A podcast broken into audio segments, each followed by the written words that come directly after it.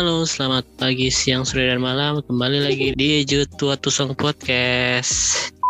gue mau nanya uh, sampai saat ini perasaan lu sebagai fansnya Inter Milan itu kayak gimana? Ya perasaan lu sampai sekarang bangga apa puas kah sama performance Inter sejauh ini gitu? Nah, kalau gue sih kebetulan kan kayak lu juga tuh, lu puasa 7 tahun doang lu gelar. Nah gue 11 tahun. Terakhir itu setelah Liga Champion kan menang itu cuman Coppa Italia tahun hmm. 2011 terakhir 2010 lah. Nah Inter baru juara lagi akhirnya musim kemarin tuh 2021 itu di situ emang bener-bener uh, momen gue seneng banget terharu lah terharu. Walaupun 2010 itu uh, Inter udah juara Liga Champions. Treble kan? Uh, treble winner pula kan. Ininya lebih besar. Cuman waktu itu ya udah udah ngefans sih. Cuman belum belum se, ibaratnya sedai hard ini lah. Belum se iya seintu uh, sekarang seintu ini. Ya nah sekarang gue tuh bener-bener seneng banget kemarin Inter juara dan ya bangga lah jadi Interisti selama ya lebih dari 15 tahun juga melewati fase-fase bobroknya fase-fase sulitnya kan. Terus sempet dipegang Pak Erick Thohir gue bangga tuh sebagai orang Indonesia di punya presiden klubnya Pak Erick Thohir sekarang jadi menteri BUMN tuh gue berharap justru uh, ada pemain-pemain Indonesia yang bisa trial lah sengaja main di Primavera di sana cuman ternyata nggak kesampaian juga kan. Ada regulasinya juga nggak sih? Inter tuh di Liga Italia itu ada minimum ada, ranking dari, negaranya ada minimum ranking cuman kalau Primavera sih harusnya bisa. Primavera kan tapi kemungkinan nggak main di Liga yang paling memungkinkan pemain Indonesia itu bisa itu mainnya kayak nih di Jerman doang. Ya Jerman Belanda lah Belanda juga uh -uh. banyak keturunan Indonesia kan Belanda. Mm-mm. Itu kalau sekarang sih keadaannya Inter baru juara tapi langsung ditinggal beberapa pilar pentingnya. Pertama, belum sebulan Acan ngerasain juara, Conte udah putus kontrak sama Inter. Baru tiga mingguan lah itu. Itu satu. Dia juga salah satu faktor penting Inter bisa juara musim lalu sih. Iya, nah, mudah-mudahan Conte pindah ke Arsenal. Gue lihat barusan aja nih, uh, Coach Justin pasti udah tahu kan Coach Justin. Hmm. Coach Justin tuh beberapa tahun lalu tuh ada tuh yang nge-share screenshotannya dia tuh nggak suka banget sama Conte strateginya gini-gini doang eh, tiga lima dua gitu doang. Nah akhirnya kemarin tadi barusan ada followers yang nanya coach kira siapa yang yang bisa gantiin Arteta nih bisa bawa? Ini kan first fans Arsenal kan coach yeah. Justin itu kan. Yeah. siapa yang bisa bawa uh, Arsenal bangkit nih terus dia jawab Conte gila tidak sendiri. ah, iya, nah terus baik gue gue dukung lah kalau si Conte ke Arsenal karena dia cocok emang uh, bawa tim yang hmm, lagi lagi struggle gitu. Kondisinya emang dia cocok sih Conte dan gue gue seneng caranya Conte itu kayak bonding sama pemainnya. Terus oh, kalau misalkan karisma dia di pinggir lapangan tuh kayak yang bener banget kayak iya. ngelatih yeah. banget tau gak sih lu? Kayak yeah. greget kalau gol banget dia selebrasinya iya. Uh -uh. iya dulu itu kan dia CS banget sama Lukaku kan dia yang bawa nah Conte itu iya dulu bilang tadi dia salah satu yang bonding sama pemain. Terus uh, bisa bawa nama-nama besar ke tim lu pasti nanti. Ada yang bakalan dia bawa Iyalah. ada yang mau dilatih sama dia pasti kan. Iya lah pasti lah. Tapi sisi jeleknya dia tuh terlalu demanding. Jadi tuh yeah, dia terlalu tak apa apa harus diturutin. Cuman karena karena Bener. di Arsenal atau di Liga Inggris itu tim kaya yang mungkin bisa-bisa aja tuh si Conte. Tapi tidak bisa di Arsenal kalau masih dipegang sama Kroenke sport apalah bosnya itu gua ah, adalah gua udah paling benci udah kalau emang klub dipegang sama orang Amerika hitungannya bisnis mulu. Nanti lama-lama juga ditinggalin sama fansnya nih. Nah terus setelah Conte cabut beberapa lama kemudian uh, Hakimi dijual. Emang setelah terjuara kemarin emang udah ada isu Inter harus jual dua pemain untuk menyimbangkan uh, keuangan. Jual dua pemain uh, uh, uh, Hakimi emang yang udah lama banget diincar PSG terus performanya di Inter walaupun baru satu musim langsung ngasih impact besar banget. Apalagi uh, dia salah satu right wingback terbaik sih emang saat ini karena lari ya kenceng defense-nya eh, maksudnya maju mundurnya rajin gitu rapih lah. Kan sekarang zaman zamannya main pada tiga back semua kan sekarang pakai iya tiga Arsenal juga semalam kalah gara-gara formasi siapa? Ya Brentford uh, Brentfordnya tiga lima duanya efektif banget. Anjir itu efektif efektif seefektif efektifnya lah menurut gua. Terus terakhir ini yang menurut gua kehilangan besar banget sih emang si Romelu Lukaku ini balik ke Chelsea. Cuma kan kalau filosofinya Sir Alex Ferguson kan tidak boleh ada nama pemain yang lebih besar daripada klubnya. Iya betul terus betul. paling jadi ampas lagi. Nah kalau gua sebagai fansnya Arsenal saat ini gua ngerasa kok iya iya gitu. Arsenal ini gua gua gua aminin gitu kalau Arsenal ini tim mediocre. Udah bukan lagi kan dulu ada sebutannya uh, Big Four Liga Inggris kan? Chelsea MU Chelsea MU Arsenal Liverpool kan? Nah Arsenal sih udah keluar dari empat besar itu udah, udah bahkan udah sempet dibikin sampai pakai Big Six sekarang apa Big Seven malah kan. iya biar nyelamatin Iya. Arsenal. iya sama Tottenham yang mau ikut-ikutan juga. iya, ala Tottenham udah no, rak pialanya juga kosong berdebu. nah, terus kalau ditanya perasaan gua terhadap Arsenal, ya ampun banyak-banyak istighfar lah. Lu ngerasain gak sih? Gak tau deh kok kalau gua ya tiap nonton Arsenal itu sampai panas dingin tau gak lu? Nggak terlepas apa lawannya tim besar, tim-tim papan bawah juga Arsenal tuh ngeri banget kalau main. Aduh, nggak pernah gitu ngeliatnya gue yang nikmat gitu tapi deg-degan pasti aja ada dari dulu zamannya Arsene Wenger. Aduh, selalu aja. Tapi walaupun seburuk-buruknya Arsene Wenger sebenarnya ya masih respect sih gua. Dia bisa bawa Arsenal itu selalu tembus empat besar di bawa, ke Liga Champion. Walaupun eh, di akhir musim bisa lolos ke peringkat empat aja selebrasinya udah kayak juara. itu, lucu banget lagi. Tapi juga seneng banget liatnya. Ya harus banyak-banyak istighfar lah ngelihat meme-meme sekarang dulu dulu gua kenawa-nawain tim-tim yang meme-nya di mana-mana gitu yang diceng-cengin. Sekarang Arsenal lagi di fase itu cuy. Jadi bahan olok-olokan anak-anak zaman sekarang. Bangke bangke. Di bener gua. Ya tapi kalau gue juga pernah ngerasain tuh kayak ngelawan tim kecil apa target peer juga kan. Itu zaman zaman gue kuliah sih. Cuman alhamdulillah nih tiga tahun terakhir Inter udah ya eh, lewati fase itu insya Allah. Maksudnya kalau lawan tim kecil 90% menang sekarang. Iya kalau gue sih berharap sebenarnya sih titik masalahnya itu awalnya dari Arsene Wenger cabut, udah gitu Unai Emery masuk, terus Unai itu ngambil pemainnya tuh yang apa ya maksud gue, yang sampai sekarang jadinya useless. siapa aja emang? Luka bukan. Aubameyang zaman Unai. Iya, eh, Aubameyang memang proyeksinya Unai, cuman banyak yang nggak kepake di El Neni, Luka Torreira, terus eh, Rob Holding, Shalom Chambers, apalagi yang paling sedih sih gua Mesut Ozil cabut. Itu, aduh, ya walaupun sebenarnya Mesut Ozil tuh dengan segala isunya eh, emang boros, memang gajinya paling mahal anjir. Eh, isu-isunya kan ya isu-isu ras agama dan lain-lain kan, terus digoreng-goreng juga. Kalau gua sih ngelihatnya dari segi teknis emang Mesut Ozil kalau bermain 352 atau sepak bola modern zaman sekarang dia nggak bisa sih. Basicnya jelek dia nggak bisa main cepet. Tapi kalau main set up play iya gitu bagus dia. Cuma kalau main main ala ala kick and rushnya Inggris sebetulnya kan itu kan istilahnya kick and rush kan Inggris tuh main-main cepet-cepet kayak gitu kan. Ya emang nggak cocok sih mengikuti sepak bola modern. Dia tuh sepak bolanya ya sepak bola cantik lah. Cantik cantik tapi kagak pernah menang.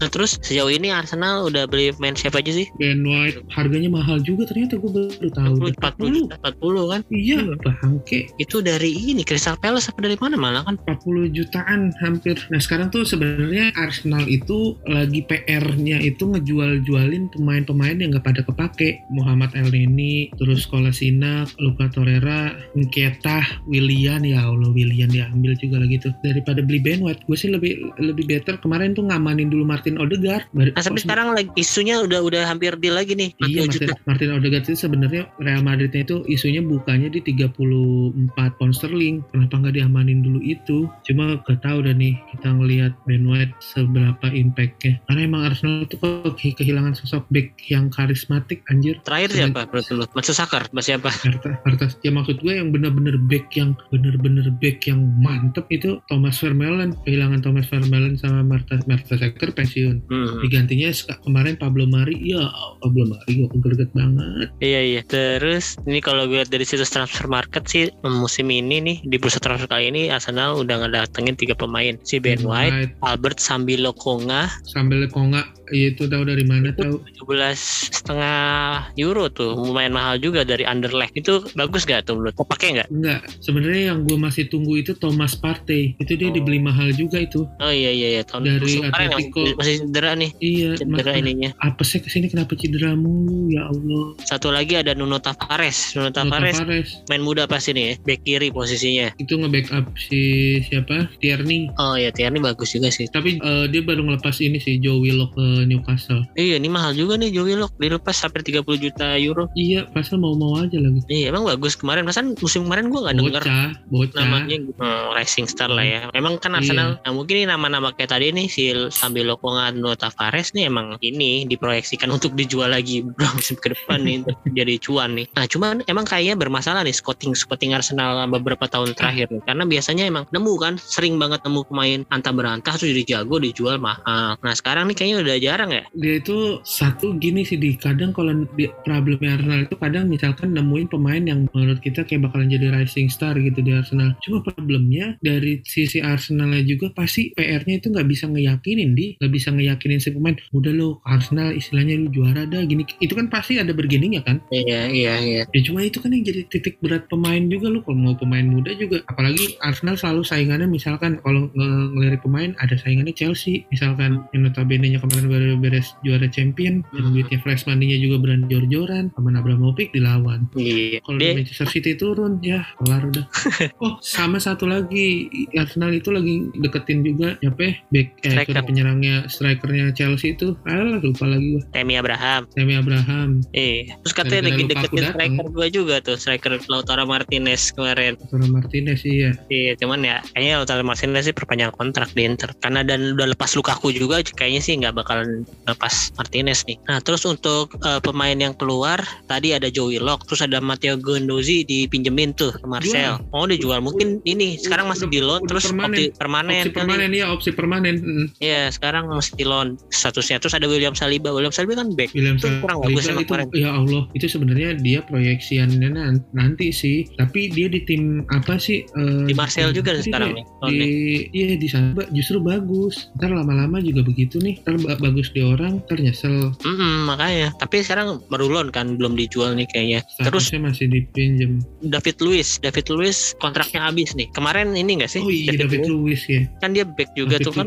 Nah kemarin sebenarnya Bagus sih kemarin dia? sebenarnya David Luiz kalau misalkan kalau mau dibilang kalau mau dibilang back bagus ya apa sih siapa yang bilang sih David Luiz jelek gitu cuma kan eh, negatifnya dia kalau overlapping selalu benar-benar Iya. overlapping banget maju maju dari offense ke defense emang selalu telat kan cuma sebenarnya sisi positifnya itu gue sih mikirnya itu seharusnya kemarin ketika masih ada David Luiz eh, bisa memberikan impact positif ke back-back muda Arsenal sih karena leadershipnya juga bagus kalau menurut gue pengalamannya gitu kan kemarin datengin dua pemain Brazil kan Willian sama David Luiz gitu Hmm. Nah, kalau menurut gue yang maksud gue seenggak-enggaknya dapat gratisan tapi bagus itu ya David Luiz. Ya karena menurut gue jelas. pasti dia bisa inilah jadi ngebimbing pemain Lebih mudanya Arsenal. Ha, ya, Iya. Apalagi posisinya back nih yang lagi emang dicari-cari. Maksudnya lagi weak spotnya Arsenal kan kata lu tadi back back yang kurang punya karisma atau emang kurang bagus di belakang. kurang ikonik lah gak punya sekarang Hmm. back backnya Arsenal siapa? Eh Holding sama itu Pam Mari itu kan. Holding, Kolasinac, Dalam Chamber, Pablo Mari, Pablo Mari itu Spanyol apa Brazil dia ya lupa gue. Spanyol. Udah itu doang. Ya sama Gabriel tuh gua nggak tahu kalau Gabriel siapa tuh. Gabriel siapa? Nomor ya? 6 Nomor 6 Gabriel Siapa tuh 23 tahun Dari Brazil Oh iya, iya, iya. itu eh, mahal juga itu dia. Eh, kok gue lupa dia. Iya nih kayak market value-nya juga masih 25 juta nih. Nah, Terus untuk Leicester rumornya nih Rumor-rumornya nih ada He- Hector Bellerin Katanya mau dibeli Inter. Cuman menurut gua nggak jadi. Terus ada Martin Odegaard Yang mau ke Arsenal. Terus ada Denis Zakaria Pemain dari Jerman Klubnya gue lupa apa tuh Orang Swiss. Terus ada Ruben Neves dari Wolverhampton. Terus ada Aaron Ramsdale dari Sheffield Tuh kiper dia. Terus Manuel Cotelli Pemain Sassuolo Kemarin baru juara Eropa sama Itali Terus ada Reece Nelson Katanya mau dijual ke Crystal Palace. Oh, iya Crystal Palace benar. Nah, itu rumor-rumor Arsenal sampai sekarang nih. sama satu sih menurut gue pemain Arsenal yang menurut gue yang masih tetap konsisten jagonya itu udah satu doang gue ngandel ngandelinnya Ben Leno udah. Iya, Ben. Leno itu kurang sakti apa itu kiper sebenarnya bagus itu. Kalau misalkan Arsenal kalah ya gue selalu ngelihatnya performanya Ben Leno. Kalau misalkan kalah aja 2-0 kalau kipernya bukan Ben Leno kayaknya udah 5-0 gitu gue mikirnya. Sumpah dah mudah-mudahan Ben Leno nya nggak goyah ditawarin sama tim-tim lain Dia kiper Jerman. Jerman gak sih? Oh Jerman. Cuman kemarin nggak nggak ini ya. Iya lapis dua Jerman emang bagus-bagus. Terus saingannya di bawah New Year ada siapa lagi tuh? Ter Stegen. Ter Stegen Terus dia baru si Iya Leno. Susah tiga makanya ya, nembusnya. Ya maksud gua itu tiga kualitasnya Ter Stegen, Ben Leno sama Neuer kan orang gila semua kiper-kiper Jerman. Ya ya. Nah terus kalau Inter Eh kalau Inter untuk transfer yang udah masuk sih eh, banyak pemain gratis ya nih. Pertama ada Hakan Calhanoglu. Kalau lu tahu lu tuh lihat di mana sih? Lu transfer market dong. Nih kalau berdasarkan itu transfer market nih, akan Calhanoglu itu dibajak dari AC Milan tuh klub rival. Eh, dia habis kontraknya di Milan nggak mau berpanjang, akhirnya Inter bisa ngebajak dia lumayan. Dia masih 27 tahun, terus emang salah satu pemain yang berguna lah saat ini karena Erikson kan lu tahu sendiri di Euro kemarin dia ini kan collapse kan. Jatuhnya pensiun dini lah dia. Tapi dia masih berusaha nih. Dia masih eh, mau nunggu 4-5 bulan lagi gimana kondisinya. Kalau misalnya udah ada perkembangan yang bagus dia bisa main lagi dengan mencopot alat yang di jantungnya itu loh. Karena di Italia nggak boleh main pakai itu. Mhm. terus ada sebenarnya nih pemain Inter yang dulu dijual terus di buyback lagi. Ada Zino van Hoosden dari klub Belgia. Terus ada Matteo Darmian mantan pemain MU tuh. Sebenarnya musim kemarin udah main di Inter musim ini dipermanenin dari Parma. Terus ada Alex Cordas mantan kiper Primavera Inter dibeli gratis juga. Nah untuk penjualannya nih yang lagi gue lagi merasakan jadi eh, fans Arsenal nih musim ini nih karena lagi jual-jualin pemain dengan harga mahal. Yang pertama tadi udah ada Hakimi dijual 60 juta plus bonus kalau bisa 70 juta euro. Terus ada Matteo Politano yang sebenarnya udah di eh, loan sama Napoli kemarin musim ini dipermanenin. Terus eh, Nainggolan putus kontrak putus kontrak emang karena nggak kepake lagi di Inter dan gajinya untuk pemain gede. Terus dijual susah akhirnya diputus kontrak dia pindah ke Antwerp apa gitu eh, klub Belgia. Dan terakhir itu Romelu Lukaku yang balik ke Chelsea di harga 115 juta. Itu eh, ini rekor penjualan terbesar Liga Italia dan Inter juga. Gokil, gokil. Tapi ya istilahnya eh, masa ya tim scoutingnya Inter Milan lu udah ngejual pemain lu gila-gilaan lu dapat untung gede ya itu PR-nya ya nyari pemain yang penggantinya dengan level yang sama sih. Iya, nah itu Ya, justru ininya Dut. Eh, karena Inter emang harus menyimbangkan neraca keuangan nih, dia ada utang-utang yang harus di deadline-nya tuh di musim ini nih musim 2021-2022. Hmm. Sebagian besar penjualan yang dua pemain itu dialihkan untuk bayar utang sama bayar cicilan kan Romelu Lukaku. Cicilan Inter ke leasing. belum- Mm-mm, Inter belum lunas tuh bayar ke MU. Dibeli lah 75 juta tuh belum lunas masih ada berapa Lucu utang ya. berapa gitu. Ya buat Lucu bayar itu ya. jadinya. Lucu banget anjir. Sama kayak dulu Arsenal ngejual Mesut Ozil sampai saking nggak tahu ya maksudnya mungkin manajemennya pengen banget ngejual si Ozil sampai di tim barunya ini di Fenerbahce sampai patungan gajiannya. Gaji ngegaji Ozil ya Nah itu menurut gue problem-problem tim eh, IPL kenapa susah ngejualnya? Karena mereka udah matok harga mahal. gajinya gajinya justru Iya. mahal. Pemain oh liga iya lain gaji. susah untuk nyanggupin. Eh, rata-rata tuh pemain bintang di Liga Italia paling mahal itu tujuh setengah juta lah. Cuman Ronaldo, Ronaldo doang tuh yang yang beda. Dia 36 juta Ronaldo. Nah di di Inggris rata-rata itu kalau di Euroin itu 10 sampai 15 juta malah ada yang lebih untuk main bintangnya ya. Makanya kayak Alexis Sanchez gitu dia rela untuk mau Oh, turunin gajinya untuk main di Inter sama kemarin. lagi itu lagi Alexis Sanchez satu kehilangan yang cukup besar juga tuh dari Arsenal. Gila. Iya sampai San- sekarang menurut gue masih bagus Sanchez itu masih, masih, bagus cuman cuman di MU aja sampah. dia di MU iya. Iya di emang MU nge-trade pemainnya emang kurang ya maksudnya untuk menempatkan posisi pemain-mainnya kayaknya gimana gitu. memang momennya saat itu ketika Sanchez pindah ke MU aduh ada isu juga sih sebetulnya Eh, Itu swap juga sebenarnya sama Mkhitaryan kan. Nggak, sebenarnya ya. Sancheznya tuh nggak mau Mm-mm. Si Arsenal yang mau Mkhitaryan. Iya, Mkhitaryan ya, gila.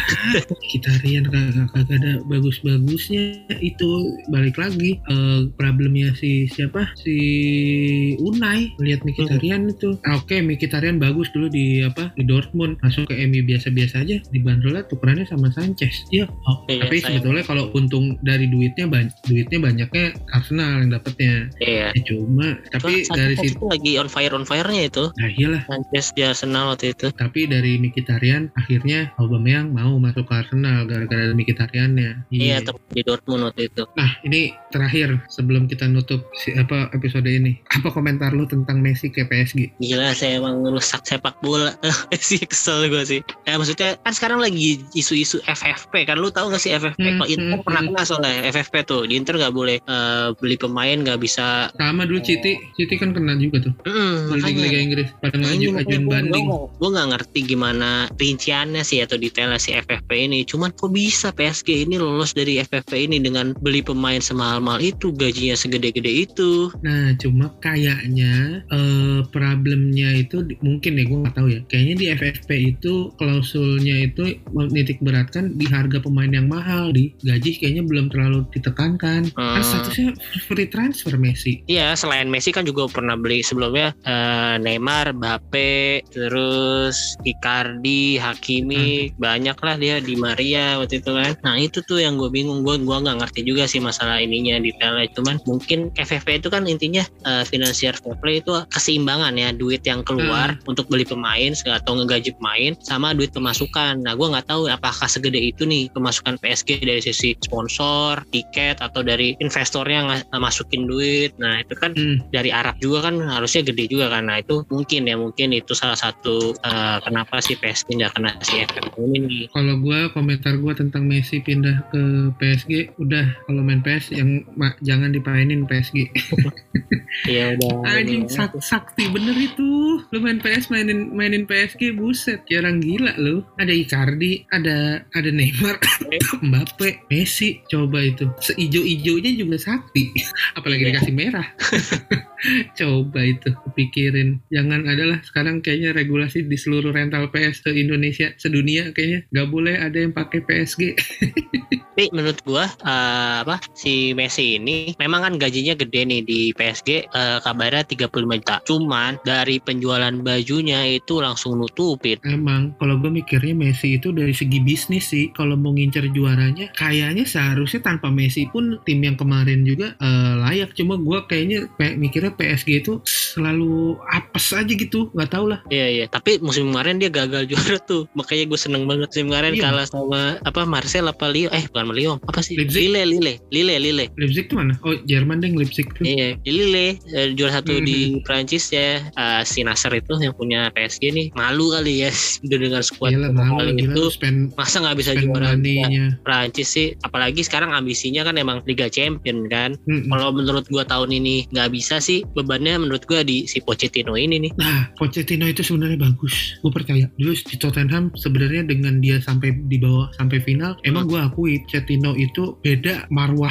anjing marwah. Marwahnya Tottenham Hotspur dipegang Pochettino itu itu gokil sih. Cuma ya, lagi dan lagi maksud gue emang PSG keberuntungannya belum memihak kayaknya. ya tapi menurut lu tahun ini juara Champion nggak Juara champion enggak lah, gelap cuy. Iya, Masih ada Bayern Munchen, nih. gila lu. Munchen Iya, ya masih ada Bayern Munchen. Enggak terlalu merubah kedatangan Messi itu, yakin dah gue. ini ya Malah jadi beban. nggak cocok malah main sama Mbappe dan Neymar Iya, tapi kita nggak tahu sih. Hmm, Cuma kasihan aja gue mas, gue satu sih pindahnya Messi ke situ. Neymar, Ya, kenapa Neymar emang Neymar di di Barca dibayang-bayangin sama Messi. oh iya iya Neymar Neymar kan ambisi banget pengen jadi uh, the nextnya. CR7 Mm-mm. CR7 sama Messi kan. nah kabarnya Ronaldo musim depan juga diincer Itu orang Udah gila gila sih. emang. Nah, karena nah, musim depan Ronaldo kontraknya habis juga habis rencananya dia pindah ke Arsenal. kenapa emang alasannya apa dia mau ke Arsenal Enggak gue aja itu yang ngomong. Anjir. Gua kira dia mau ini balas budi ke Arsene Wenger nggak jadi. Enggak lah, udah udah masa-masanya Messi Ronaldo tuh sebenarnya udah habis sih. Dan gue maksud gue kita tuh beruntung di Iya. hidup di zaman eranya dua pemain ini tuh. Mhm. Eh, yaudah deh, Udah, gitu aja deh. Pokoknya pokoknya larang ya pakai PSG mulai sekarang pokoknya harus di ban dari seluruh perentalan PS di Indonesia PSG itu. kecuali lu misalkan main di sa- salah satu teman lu itu cupu nah boleh dah kasih dah tuh dia pakai PSG nggak apa-apa gitu Nah, ini gue yakin nanti kan eh, ada turnamen FIFA, turnamen PES itu timnya tuh boleh milih, eh boleh Eh, bebas kan. Nah itu pasti lu- pada PS, PSG semua tuh yakin gue. asal lu tahu juara juara dunia FIFA Hah? itu juara dunianya itu dia pakai Arsenal Tahun berapa dulu deh? tahun 2018 ke 2019 gitu lupa gua Nah, kalau tahun kemarin sih ini MU apa Barca gitu kalau nggak salah lupa gue. juara dunianya pakai Arsenal bangga gua itu malah justru yang jago emang harus pakai eh, tim-tim mediocre sih biasanya yang paling bangsat jago. bangsat ya wis lah Oke, sampai jumpa lagi di next episode gue yang gak cabut gue dicabut. Bye. Bye bye.